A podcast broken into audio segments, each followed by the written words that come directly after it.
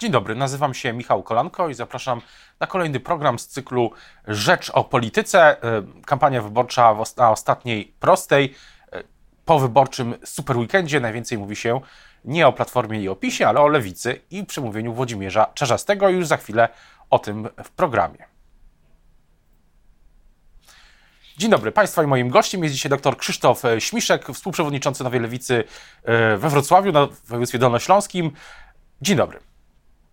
Dzień dobry panie redaktorze, dzień dobry państwu. Zacznijmy, zacznijmy może od, e, nie od polityki, chociaż może nie wprost, ale od roku akademickiego. Zaczął się rok akademicki, e, studenci wrócili na uczelnię.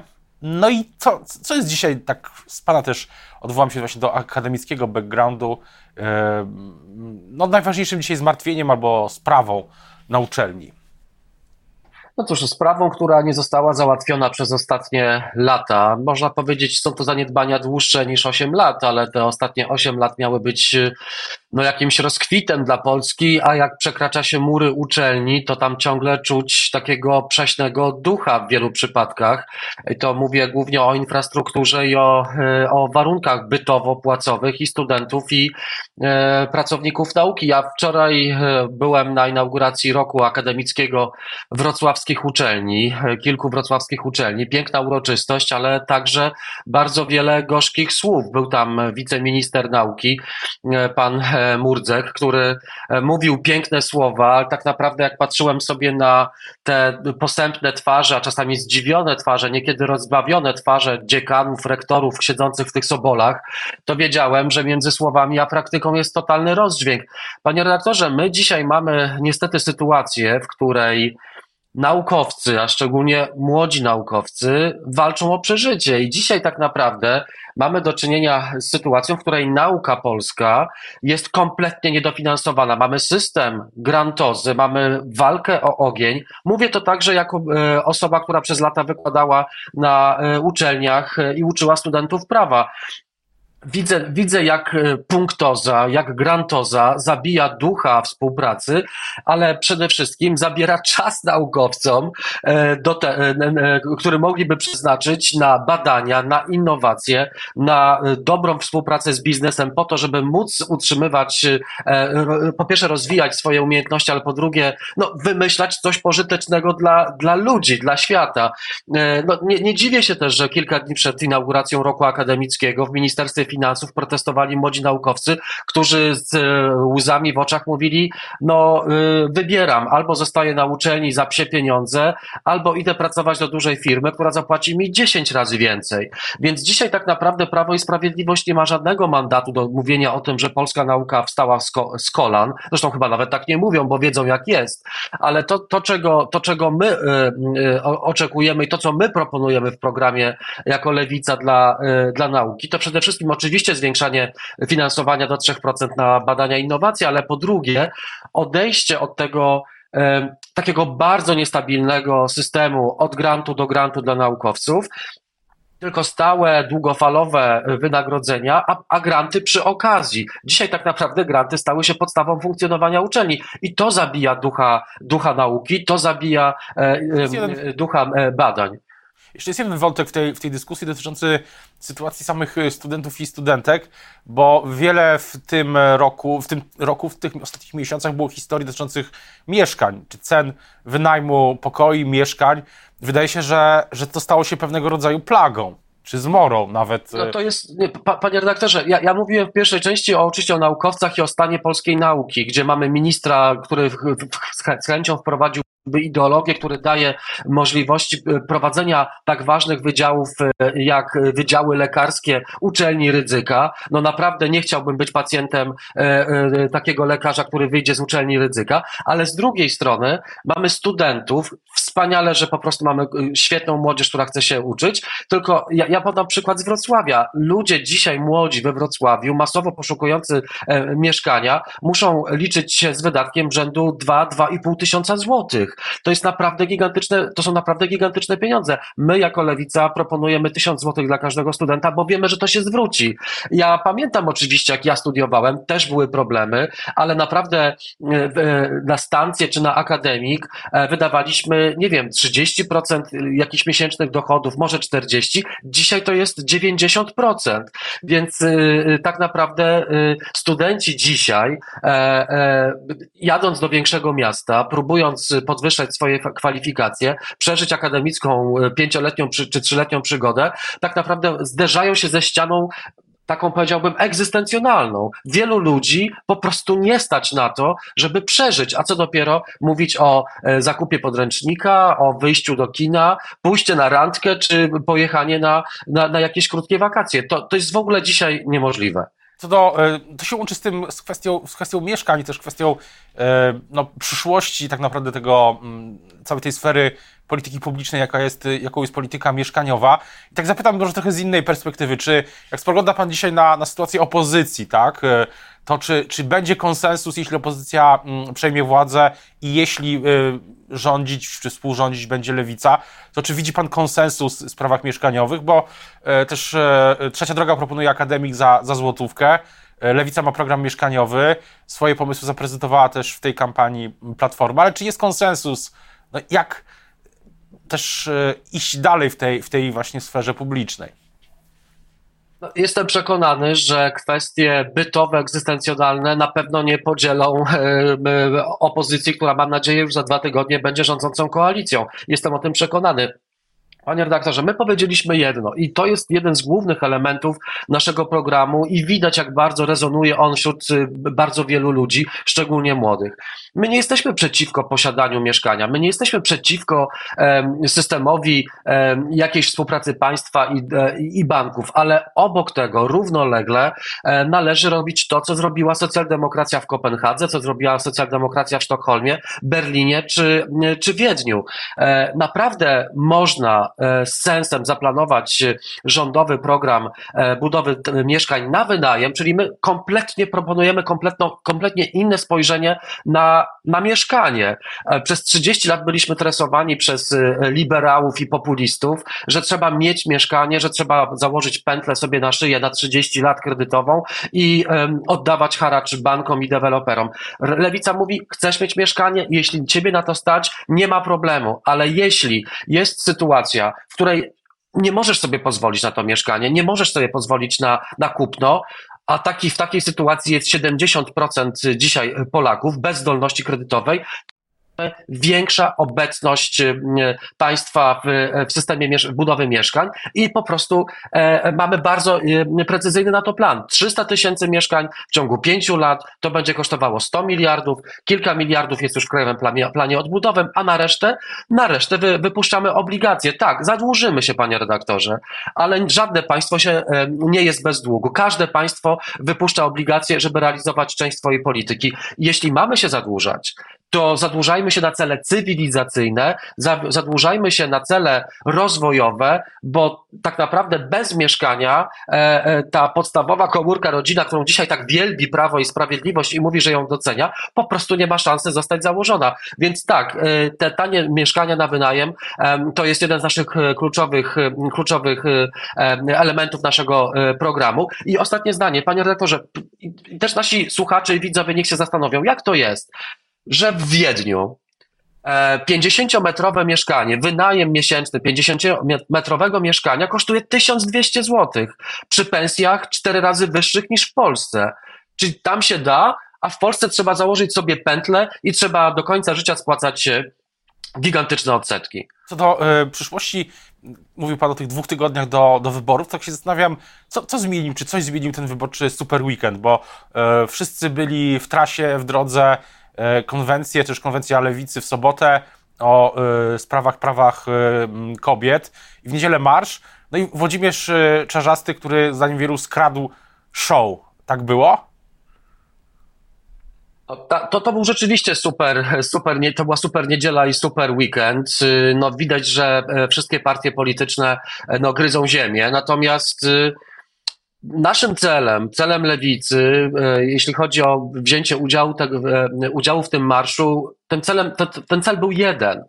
Robert Biedroń mówił bardzo wyraźnie na scenie, że Polacy potrzebowali tego od miesięcy. I też lewica od miesięcy domagała się tego od y, partii opozycyjnych. Stańmy razem. Pokażmy się Polakom, że nie tylko mówimy o tym, że współpracujemy, ale też to robimy. I e, e, wczoraj Polacy dostali wreszcie, moim zdaniem, dobry, dobry obraz, dobry przekaz, że opozycja idzie ręka w rękę. Nieważne już w jakiej konstelacji. Nikt już nie wraca do pomysłów jednej listy, żałowania tego, czy to się stało, czy się nie stało. Dzisiaj widać bardzo wyraźnie, że przynajmniej sondażowo na dwa tygodnie przed wyborami ten pomysł trzech y, komitetów jest bardzo dobry, bo zbiera, te, te trzy komitety zbierają bardzo różne, y, czy, czy wiele różnych środowisk, których jedna lista by nie zebrała.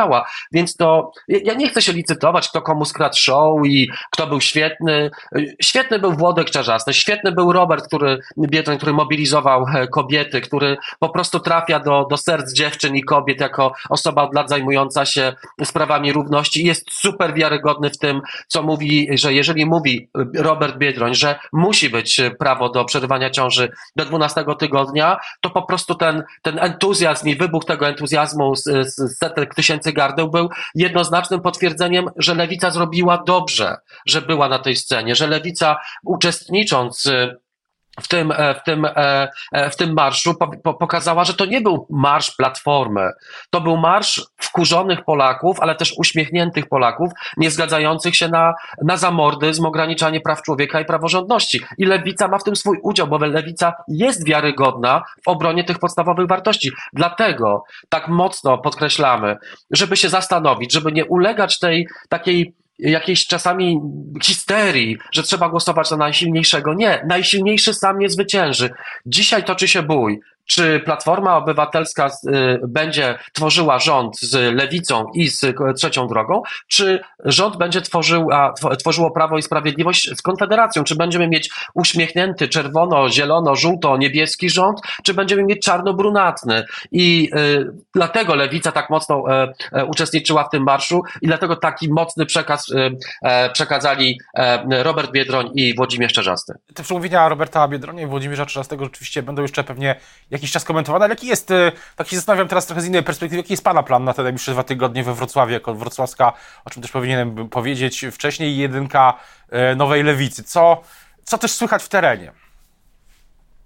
No, w terenie widać też mobilizację ludzi, ale też w terenie widać, yy, że te dwa ostatnie tygodnie będą bardzo kluczowe. Ja codziennie mam e, spotkania, nie tylko we Wrocławiu, oczywiście Wrocław jest y, wielkim ośrodkiem, tam, naj, tam jest najwięcej głosów, to jest miasto, które kocha wolność, które kocha demokrację, które w zeszłych wyborach y, e, cztery lata temu dało lewicy ponad 18% poparcia, a całe województwo dolnośląskie 15% poparcia. Myślę, że yy, yy, liczę na te głosy ponownie, co najmniej tyle samo, ile Lewica otrzymała 4 lata temu, ale panie redaktorze, Dolny Śląsk to nie tylko Wrocław, to jest Oleśnica, to jest Oława, to jest Góra, to jest Strzelin, to są miasta e, powiatowe, które mają też swoje problemy. I jak ja robię swoje spotkania w, w terenie jak ja rozdaję swoje materiały wyborcze na targowiskach, wczoraj byłem w Oleśnicy, pozdrawiam wszystkich um, mieszkańców tego miasta, to, to, jest jedno, to jest jedno, oczywiście wygrajcie wybory, niech wreszcie będzie normalnie, ale z drugiej strony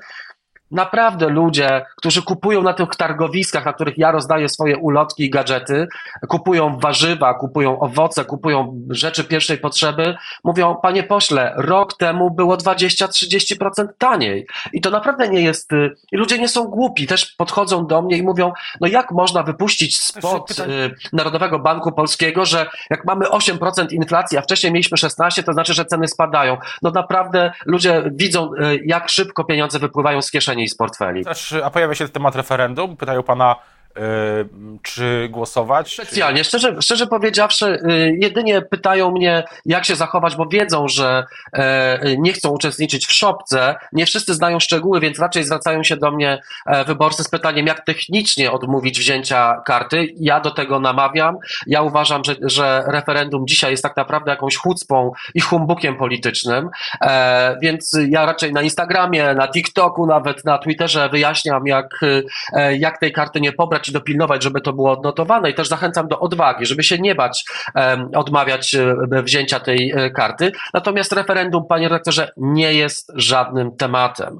Ludzie tym nie żyją, nie żyją żadnym referendum, e, widzą tylko jedno, że to znaczy mamy też oczywiście bardzo podzielone społeczeństwo. Nieraz dostałem, e, e, nie zosta, nieraz zostałem opluty i to w twarz i nieraz zostałem zwyzywany, nieraz zostałem popchnięty, ale to zostawmy, to jest y, na szczęście mała, mała sytuacja, mała, mała liczba tych sytuacji. Natomiast y, ludzie po prostu pytają o konkrety. Nie zapomnę, w sobotę już bardzo zmęczony, wróciłem z Koszalina, wspierałem tam naszą posłankę e, Małgorzatę Prokop-Paczkowską i, i, i spędziłem pół godziny na rozmowie z dwójką młodych ludzi, którzy byli świetnie przygotowani do pytań. Pytali mnie, skąd wziąć pieniądze, jaki jest pomysł na, na medycynę, jaki jest pomysł na mieszkalnictwo i to są wspaniałe rozmowy, bo widać, że wyborcy po prostu szukają bardzo konkretnych informacji o życiu, o egzystencji, a nie o wymyślonych problemach typu zalewanie nas e, imigrantami przez Unię Europejską. A co będzie Pana zdaniem dla lewicy najważniejsze przez te, te ostatnie dwa tygodnie, no w zasadzie już mniej, e, to jest 12 e, dni czy 11 dni już do ciszy wyborczej, która się zacznie w piątek, tak się składa, 13 października o północy. Cisza wyborcza zapadnie. Co będzie najważniejsze dla Pana, dla lewicy przez te najbliższe dni? To jest mobilizowanie naszych wyborców z 2019 roku, pokazywanie naszego dorobku, ale też widzę, jak bardzo, jak, duża jest potrzeba i robię to na swoich mediach społecznościowych, tłumaczenie, żeby nie poddawać się presji głosowania na najsilniejszego. Ja na, najbliższe dwa tygodnie codziennie e, e, e, będę tłumaczył, że trzeba głosować na trzecią siłę, że trzeba głosować na lewicę, że Platforma Obywatelska sobie poradzi, dostanie swoje 25, 27, daj im Boże 30%, ale lewica, która, e, lewica musi mieć 12, 15%, może więcej, po to, żeby, panie rektorze, jakby to jest polityka i trzeba ludziom mówić wprost. Lewica musi być sumieniem nowego rządu. E, lewica musi być takim czasami wyrzutem sumienia nowego rządu. I panu w kwestiach też... kobiet, świeckie państwo też o sprawach społecznych. Prawa kobiet, jeśli. Tak, świeckie państwo, dobra polityka społeczna, czy, czy polityka mieszkaniowa, jeśli będzie na przykład dyskusja nad tym, czy no może jednak jakiś kompromis, może jednak na później, może jednak pod dywan, bo są ważniejsze bieżące sprawy. Nie. Lewica po to będzie w rządzie, żeby niekiedy przy, przy, przyprzeć do ściany swoich koalicjantów, e, demokratycznych przyjaciół i powiedzieć nie, albo teraz, albo nigdy. Jeśli teraz tego nie dowieziemy, to ludzie nam tego nigdy nie wybaczą, bo widzieli już przez 8 lat, jak byliśmy ćwiczeni w odbieraniu nam podstawowych wolności. Na koniec jeszcze jedno pytanie takie też taktyczno-polityczne o Konfederację, bo wiosną była wielka dyskusja, też ją prowadziliśmy, przecież też rozmawialiśmy o Konfederacji. E, później Lewica też i nie tylko lewica, ale w zasadzie wszystkie partie opozycyjne zaczęły mm, o Konfederacji mówić. I dziś, dzisiaj wydaje się, że na koniec tej kampanii Lewi y, Konfederacja nie jest w stanie odzyskać tego impetu, który trochę miała wiosną. Że coś się, coś się zmieniło. Pan na przykład, yy, yy, jak pan to widzi? No, ja widzę to tak. Efekt świeżości po prostu minął i Konfederacja to, to jest zawsze, zawsze takie fajne, entuzjastyczne, miłe, powstaje nowa partia e, i jest wiele osób, które szukają czegoś nowego. Tylko konsekwentna praca lewicy, odkrywająca, takie, mm, takie pomysły Konfederacji jak e, zakaz e, rozwodów ustawowy, więzienie 10 lat dla kobiety przerywającej ciążę, handel psim mięsem, przemoc, antysemityzm, pochwalanie przemocy wobec dzieci, to wszystko pokazało, że, ta, że za tych garniturów i przylizanych, ładnie y, uczesanych fryzur chłopaków wystawionych z Konfederacji na, do pierwszego szeregu wygląda Korwin, wychyla się Brown, wychylają się ci wszyscy polityczni troglodyci, którzy tak naprawdę nie wytrzymali i powiedzieli, e, co tak naprawdę chcieliby zrobić. Więc bardzo szybko Konfederacja straciła swoją świeżość, też taki, taki vibe takiego jakiegoś um, energicznego ugrupowania, no i stali się po prostu E, wielu, wiele tych osób stało się dla nich obciążeniem. I Polacy po prostu dzięki systemowej pracy e, e, lewicy w odkrywaniu ich absurdów po prostu zmienili zdanie. O tym, jak będzie wyglądało to ostatnie, będą wyglądały ostatnie dwa tygodnie kampanii, będziemy oczywiście wielokrotnie jeszcze o tym mówić w RPPL, w Rzeczpospolitej i w programie Rzecz o Polityce. Teraz bardzo już dziękuję za rozmowę Państwa i moim gościem. Dzisiaj był dr Krzysztof Śmiszek, Wrocławska Jedynka Nowej Lewicy. Dziękuję bardzo. Dziękuję bardzo, pozdrawiam, miłego dnia.